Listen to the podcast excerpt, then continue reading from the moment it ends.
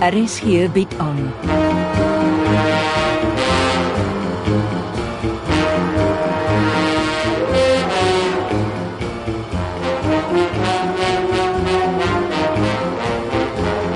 Agendas deur Jo Kleinhans.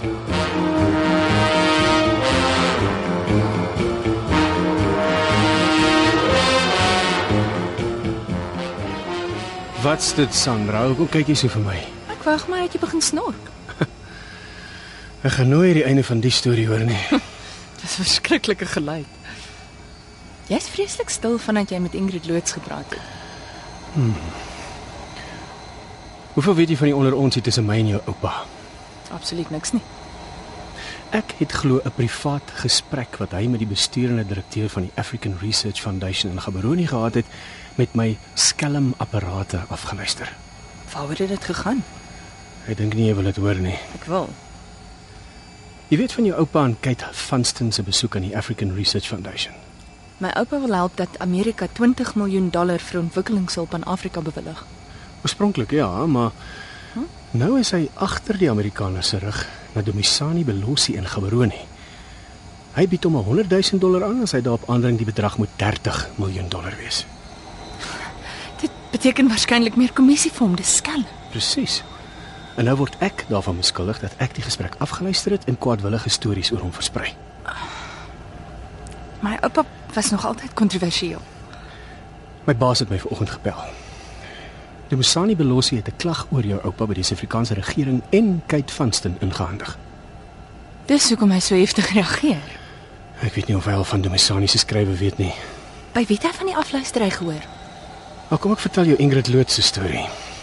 My duur armoorlosie raak in die hotel in Gaborone weg. Ek meld dit as gesteel aan by die hotel sekuriteit, maar hoor natuurlik nooit weer 'n woord daarvan nie. Nou bel Ingrid my net om te sê sy het my oorlosie vir haar brandkluis in haar IT Africa kantoor opgetel. Glo jy Ingrid Loots sit agter die veldtog teen jou? 2 en 2 was nog altyd 4. Sy fluister 'n woord in jou oupa se oor en hy verklaar my by die inspekteur-generaal vir intelligensie. Miskien moet ek verduidelik waarom ek hom afgeluister het. Hoe is dit moontlik dat Ingrid van alles weet? Ek is seker self 2 en 2 bymekaar tel. Debbie het my vertel sy werk vir intelligensie. Die Debbie het nie so losmond 'n matriek gehad nie. Ek was diep geskok om te hoor IT Africa se frontmaatskappy van die staatsveiligheidsagentskap Saggies. en dat my pa steeds vir intelligensie gewerk het.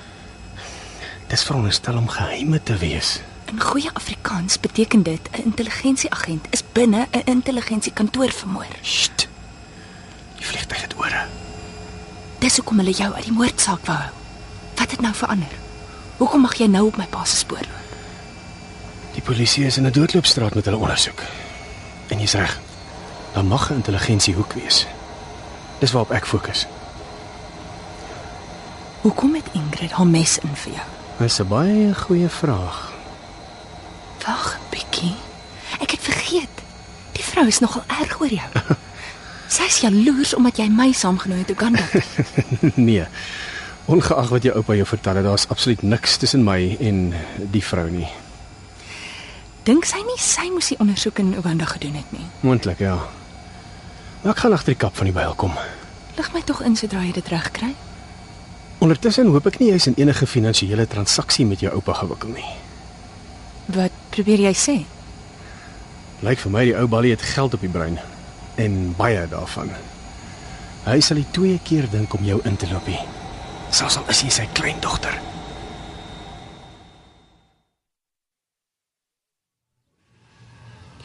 Meneer van der Walt, jy is my prokureur en ek betaal jou ten duurste.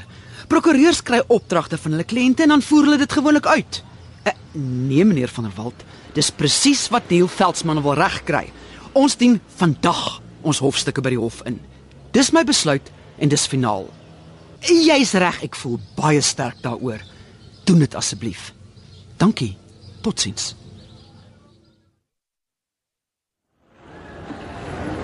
Jo, dis nogal besig. Ja, die lughawe sal altyd onthou word vir operasie Thunderbolt, die nag van 4 Julie 1976.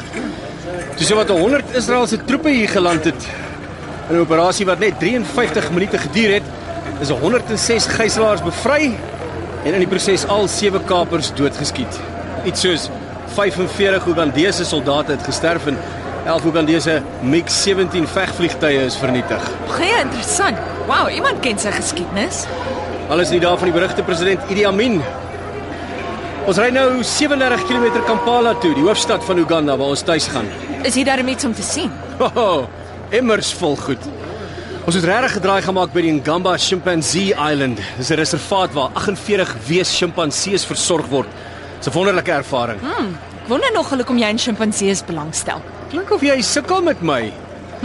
Kom, ons moet by die Sheraton Hotel se toonbank op die lughawe uitkom voor die bus vir ons wegry. Oeg, dit sal 'n ramp wees. sien jy die vrou wat nou haar tas van die vervoerband optel?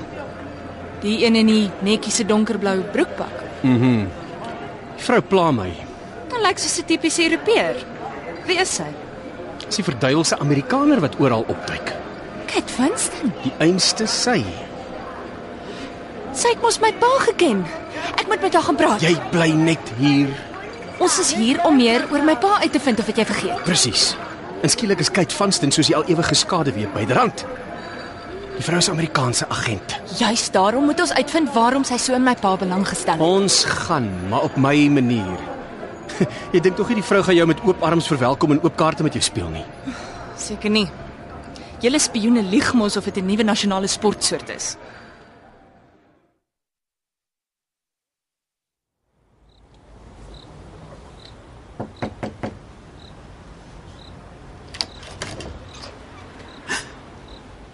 Nant, eh, kan ek help? Matilda. Jy weet van my, maar ons het mekaar nog nie ontmoet nie. Ek is Frank Libbe. Kan ek asseblief 'n paar minute inkom? Ek het nie my nuwe adres vir jou vrou gegee nie. Kan ek inkom? Goed. Dankie. Het jou vrou oor my gekla?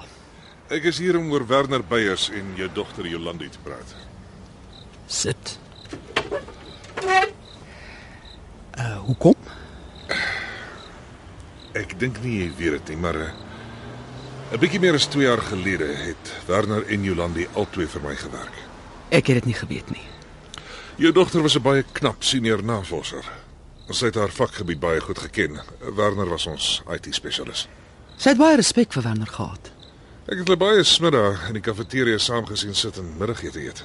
Probeer jy insinieer daar was 'n ding tussen hulle aan die gang? Nee. Sy het opgesien na Werner. Hy was soos 'n vaderfiguur vir haar. Sy uh, en haar pa het nie goed oor die weg gekom nie. Toe Werner se dogter Sandra besluit om oor see te gaan werk en Jolandi se man Neil vra om sy boeke te doen. Hy het nie gevra nie. Dit was 'n opdrag om te bedank. En skaars 6 maande daarna is Jolandi vermoor. Tragies geskied. Dit was Neil se werk. Die polisie het ook so gedink. 16 maande later is hy verhoor, maar hy stap skotvry uit die hof uit. Oor 'n laptop wat weggeraak het. Kom ons praat oor die laptop. Jolandi het dit vir Werner gegee, maar dit het nie in die hofsaak ter sprake gekom nie. Met die aanvang van die hofsaak was Werner in 'n soort kliniek. Ja, psigiatriese hospitaal. Hy was baie depressief. Jy het hom gereeld besoek. Jou spioene hou my dop.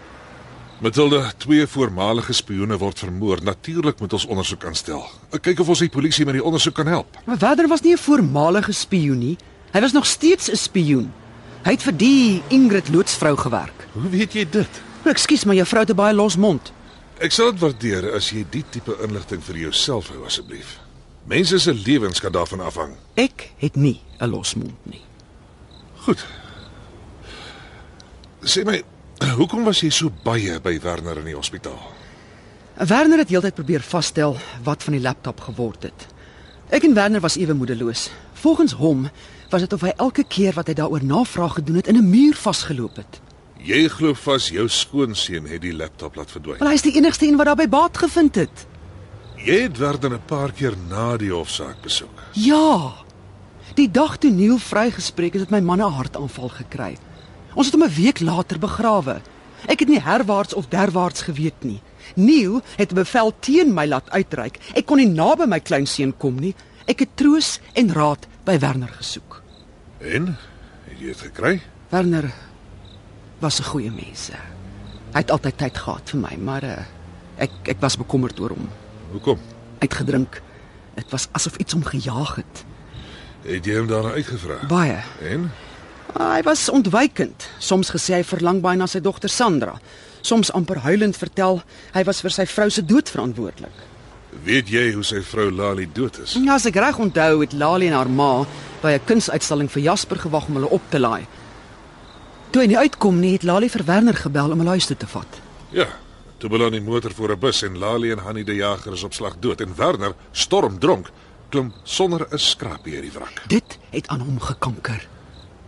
Het Jolandi ooit laat deurskemer met watse onheilighede Neil Veldsmann besig was? Ek het my kop al baie oor presies dit gebreek, maar ek, ek, ek kan nie aan iets spesifieks dink nie.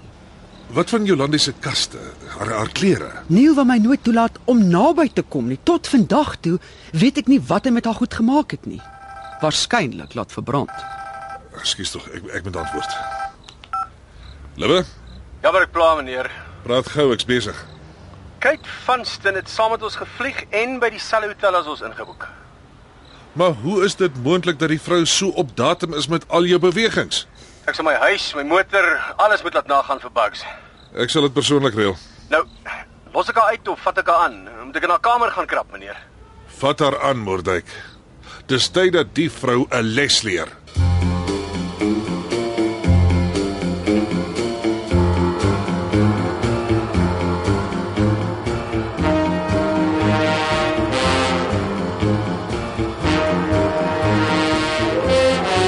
Agendas word geskryf deur Joe Kleinhans. Die tegniese en akoestiese versorging is deur Skalk Forster en Evert Snyman Junior. Die regisseur Betty Kemp.